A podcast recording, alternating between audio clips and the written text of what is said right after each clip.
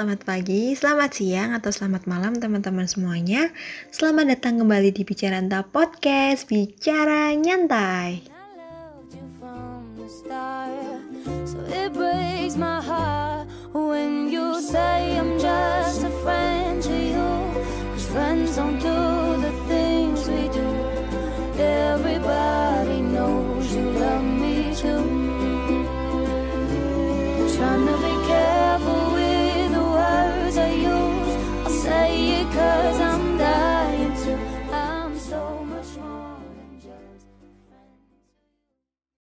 Hai hai hai, masih sama aku di sini sama Lala yang akan menemani kalian di Bicaranta Podcast. Hmm, diawali dengan secuil lagu Jasa Friend to You, kalian pasti tahu kan lagu itu dan pastinya kalian juga udah baca kan judul kali ini apa?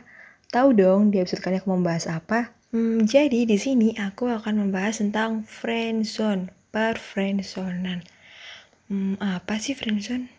Jadi, friendzone adalah sebuah situasi pertemanan di antara cewek dan cowok, akan tetapi salah satu dari mereka atau mungkin keduanya memiliki ketertarikan romantis lebih dari teman. Bisa dibilang friendzone bisa terjadi dan emang sih terjadi karena pertemanan lawan jenis. Banyak orang bilang kalau pertemanan antara cewek cowok itu sudah terjadi.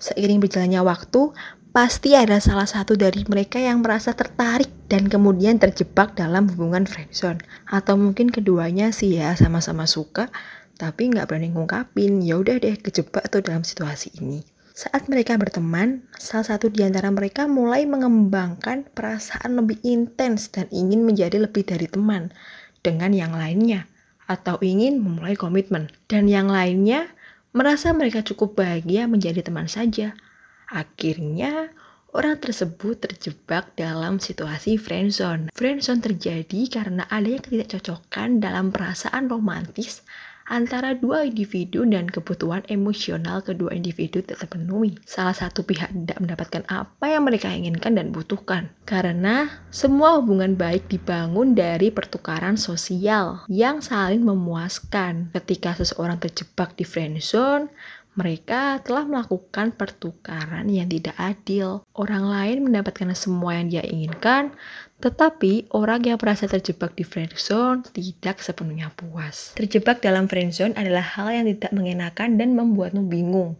Saat kamu terjebak dalam sebuah hubungan friendzone, kamu tipe orang yang mana nih? Tipe orang yang ngefriendzonin atau orang yang di friendzonin? Kalau kamu orang yang di friendzonin, kamu pasti merasa friendzone adalah hal yang tidak menyenangkan dan membuatmu bertanya-tanya, bagaimana sih sebenarnya perasaan dia terhadapmu? Atau kamu malah merasa kalau dirimu itu baperan karena dia baik sama kamu? Dan menjadi yang di friendzonin memang gak enak. Tapi pernah gak sih kamu berpikir friendzone dari sudut pandang si dia? Kenapa dia terus menjebakmu dalam hubungan friendzone? Bisa jadi mereka merasakan friendzone adalah zona nyaman mereka. Mereka enggan melangkah ke hubungan selanjutnya karena ada berbagai alasan. Ini nih ada alasan-alasan, beberapa alasan kenapa kok bisa terjadi friendzone atau kenapa kok bisa pertemanan ini terjebak dalam situasi friendzone. Yang pertama, dia belum siap berkomitmen dengan kamu. Gini nih, ketika memutuskan untuk menjalin sebuah hubungan, pasti akan ada komitmen yang dilakukan antara kedua belah pihak. Mungkin ya, mungkin salah satu alasan kamu terjebak dalam friendzone adalah ini nih, si dia, si do ini belum siap untuk menjalin hubungan serius karena masih ada prioritas lain yang ingin dicapai. Yang kedua ini ada kamu cocok dijadikan teman bukan pasangan. Hmm, beberapa orang memiliki kriteria sendiri apakah dia cocok menjadi teman atau pasangan. Mungkin nih, mungkin kalian merasa nyaman saat mengobrol bersama dan bahasan kalian tuh nyambung kayak sefrekuensi gitu. Tapi tidak ada dari dia lah, lebih selain hanya sebagai teman, sebatas teman. Karena kamu nyambung ngobrol sama dia, ya udah deh, jadinya dijadiin friendzone aja deh. Yang ketiga nih, tidak mau merusak hubungan pertemanan. Um, hal ini sering terjadi di pertemanan cewek cowok. Kalian merasa cocok sama lain, sering curhat-curhatan, dan jalan bareng. Di satu sisi, dia mulai merasa suka sama kamu, tapi kamu takut banget kehilangan kamu sebagai teman. Karena kalau udah pacaran, nantinya kan akan putus dan dia nggak akan kehilangan dan dia tuh nggak ingin kehilangan kamu gitu. Makanya deh dia akhirnya pilih friendzone aja deh. Kan kalau udah pacaran terus putus kan pasti kayak canggung kan. Jadi kan nggak bisa berteman selama lamanya lah. Jadi makanya mending udah temenan aja gitu. Yang keempat tidak percaya diri menjalin hubungan dengan dia. Misalnya nih ya, misalnya tiba-tiba kamu dideketin sama cowok atau cewek cakep dan kamu merasa diri kamu tuh remah-remahan, remah lengginan, nggak cocok lah sama lifestyle dia, atau kamu ngerasa dia terlalu baik buat kamu. Makanya kamu jadi nggak pede kalau jalan sama dia atau kamu suka sama dia dan udah deket juga tapi kamu nggak berani ngungkapin perasaan ke dia karena takut ditolak. Jadilah terjebak dalam situasi friendzone. Yang terakhir ada kepribadian tidak cocok nih. Mungkin emang di sini kepribadiannya kayak nggak bisa nyatu gitu. Bener-bener cuman bisa temenan nggak bisa lebih. Nah itu tadi beberapa alasan kenapa kok bisa terjebak di dalam situasi friendzone uh, menurutku nih ya friendzone tuh ada enaknya sama nggak enaknya sih. Apalagi nih kalau sampai friendzone-nya udah lama tapi salah satunya nggak sadar alias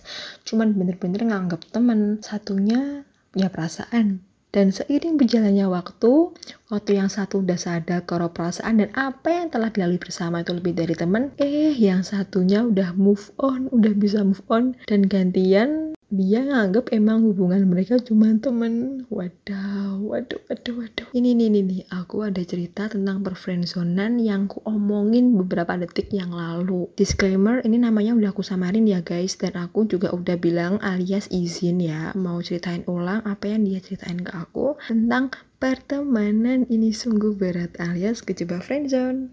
Hmm, cerita dimulai jadi sebut aja si cewek namanya Bianca dan si cowok namanya Michael. Um, by the way ini namanya udah aku samarin ya guys, tenang-tenang udah aku samarin. Jadi mereka berdua tuh bisa ketemu gara-gara satu kampus dan satu jurusan. Tapi di sini si Bianca tuh cutting gitu dan si Michael adalah maba.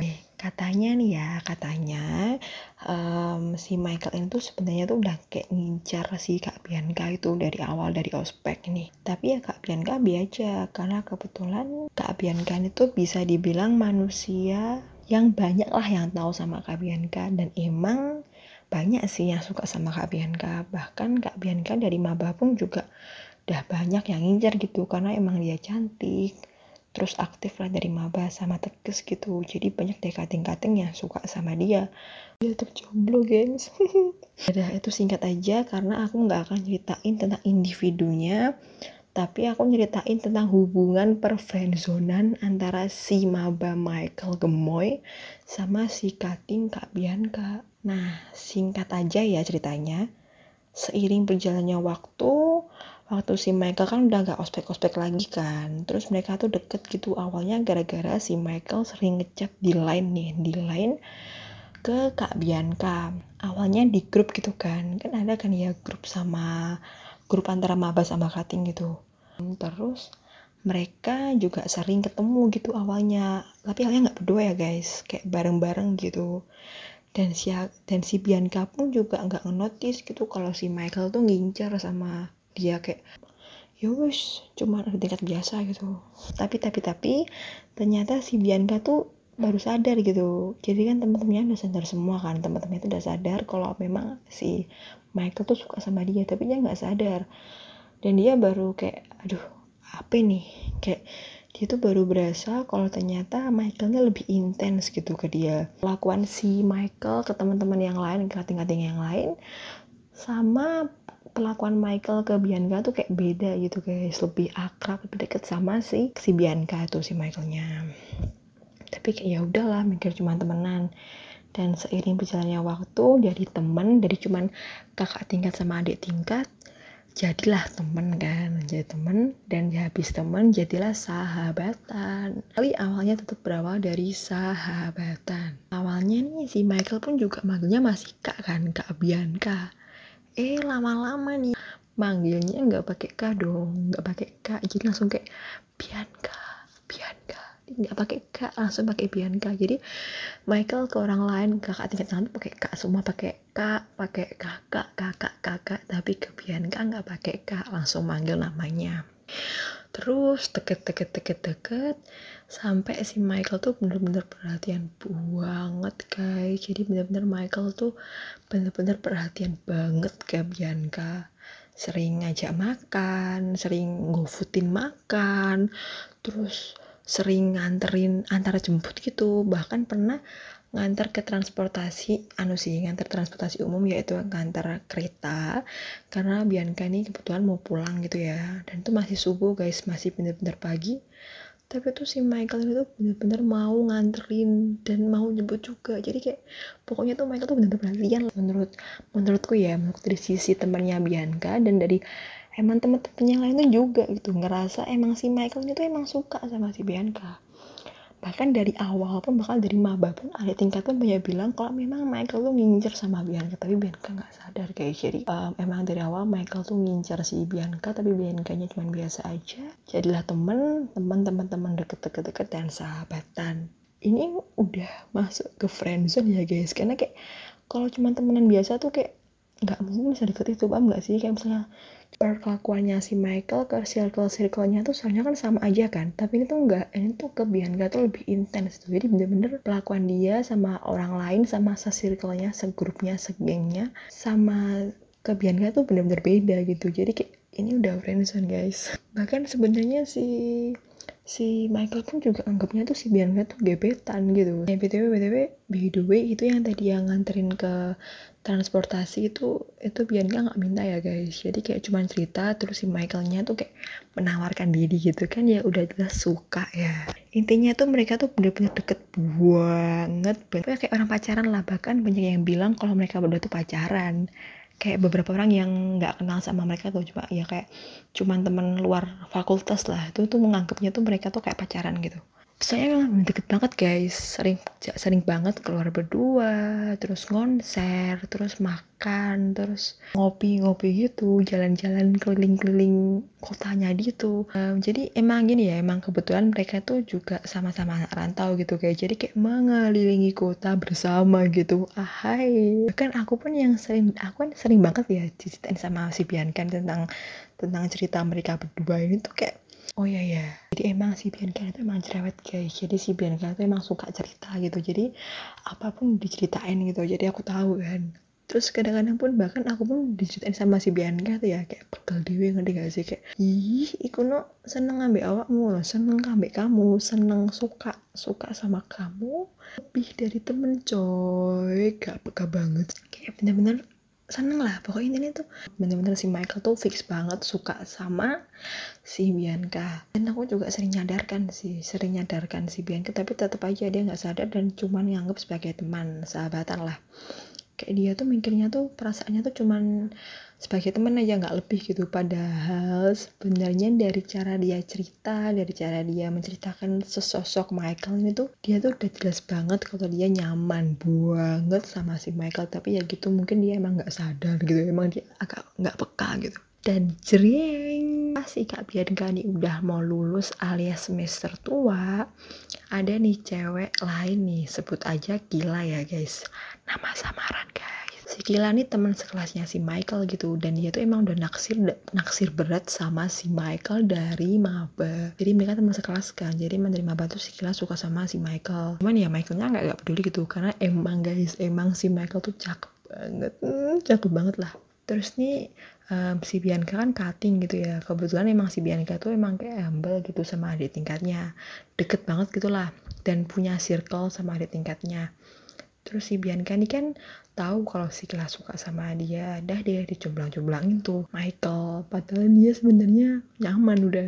Dan singkat cerita boom bum bum bum si Kila nembak si Michael. Dan karena Michael kasihan dan kebetulan emang dia juga jomblo ya dia jadi menerima sih menerima tembakan itu dan mereka pacaran. Tapi ini ya si Michael tuh masih deket banget sama Bianca bahkan tetap sering keluar gitu sama si Bianca. Masih perhatian juga bahkan dari bimbingan pokoknya emang bener dari awal lah dari awal dari awal tahapan mau sidang gitu bener-bener si Michael itu selalu ada buat Bianca. Sampai kadang-kadang tuh sering banget minjemin laptop terus malam-malam nemenin di McD, KFC, nemenin nemenin si Bianca buat ngerjain tugas akhir gitu. Sampai pas sidang tuh bener-bener si Michael lah yang bantuin dia banget. Dan bantuin bawa barang-barang juga guys. Jadi kan emang si Bianca kan kayak punya banget kan hadiahnya. Itu dia tuh juga bantu-bantu dan dia bawain dan pokoknya selalu ada lah. Udah deh. Dari situ dari pelakuan pas sidang tuh deket banget Bianca mulai nih kayak sadar akan perasaannya karena disadari sama orang banyak guys. Kayak bener Bianca emang gak peka banget guys. Dan lalala bum bum pas si Bianca mau lulus tiba-tiba si Michael mulai berubah. Menurutku nih ya si Michael udah capek gitu nungguin si Bianca peka. Menurutku juga si Michael kayak ya udah deh sama-sama nganggep kalau mereka cuma teman aja. Dan akhirnya si Michael udah move on sama si Bianca. Deh mulai gak deket tuh sama si Bianca. Sebenarnya kurang tahu ya alasannya apa tapi kayaknya si Michael cemburu nih. Si Michael cemburu karena emang si si Bianca kan humble lah jadi si Bianca juga deket sama teman-teman yang lain gitu. Dan di situ tuh si Bianca udah mulai sadar gitu. Dan beneran hal dan beneran terjadi. Pas lulus pas Bianca lulus eh pas wisuda tuh eh si Michael nggak datang gitu kayaknya dia udah bucin banget sama si Kila dan si Kila kayaknya emang ngelarang sih buat dateng jadi bener-bener si Michael tuh nggak datang ke wisudanya Bianca padahal pas sidang tuh bener-bener deket banget Oh ya, um, for your information, kalau si Bianca lulusnya agak telat ya guys. Jadi dari sidang ke wisuda itu jaraknya 6 bulanan lah. Dah deh.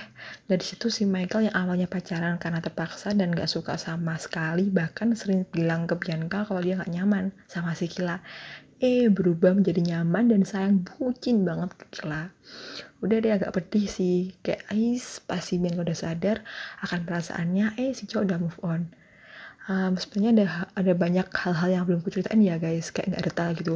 Tapi yang tadi aku ceritain udah berasa banget kan perfriendzonan ini. Coba aja si Bianca agak sadarnya lebih awal terus berkurang ngomongnya yang Michael cuma temanku coy. Hmm, mereka mungkin bisa jadi bisa sih jadian menurutku ya. ya emang mereka belum jodoh. Emang mereka cuma ditadikan sebagai teman ya. Ya udah deh nggak apa-apa. Juga mereka juga udah bagai sendiri-sendiri dan emang sih emang people come and go. Si Michaelnya pak masih pacaran sama si Kila dan si Bianca tetap sendiri. Karena emang dasarannya nih si Bianca tuh jomblo dari lahir gitu. Bukan karena nggak ada yang mau ya guys. Banyak banget yang suka sama dia. Cuman kayak belum bener belum berhasil gitu eh pas kali ngerasa nyaman atau suka lebih dari teman eh udah nggak deket lagi. Kayak cinta datang terlambat. Um, jadi jadi jadi buat teman-teman kalau bisa jangan suka sama sahabat sendiri ya karena kayak friends itu nyesek banget. Jadi kalau bisa suka sama yang lain lah jangan suka sama sahabat sendiri. Tapi bisa aja nggak sih sahabatan eh taunya menikah? Kan nggak ada yang tahu nggak ada yang tahu kalau ternyata jodohnya sendiri tuh adalah teman sahabatnya sendiri kayak film tapi menikah Hmm, tadi aku udah ngulik tentang friendzone dan juga aku udah ceritain singkat nih tentang cerita manusia sepasang cewek cowok yang kejebak friendzone. Hmm, jadi sekian dulu yang bahasan kali ini. Oh ya, terima kasih buat teman-teman semua yang udah mampir, terus nungguin episode Bicara Podcast dan dengerin sampai detik ini. Aku bener-bener berharap kalian gak bosen ya dengan podcast ini. Oke, jadi aku Lala, pamit undur diri dan sampai jumpa di episode berikutnya ya. Stay tune in Bicara Podcast hanya di Spotify. Bye-bye.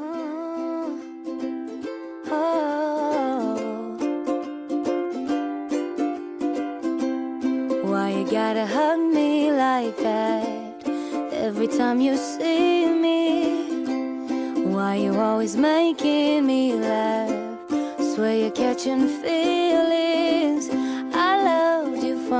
the start So it breaks my heart When you say I'm just a friend to you. Cause friends don't do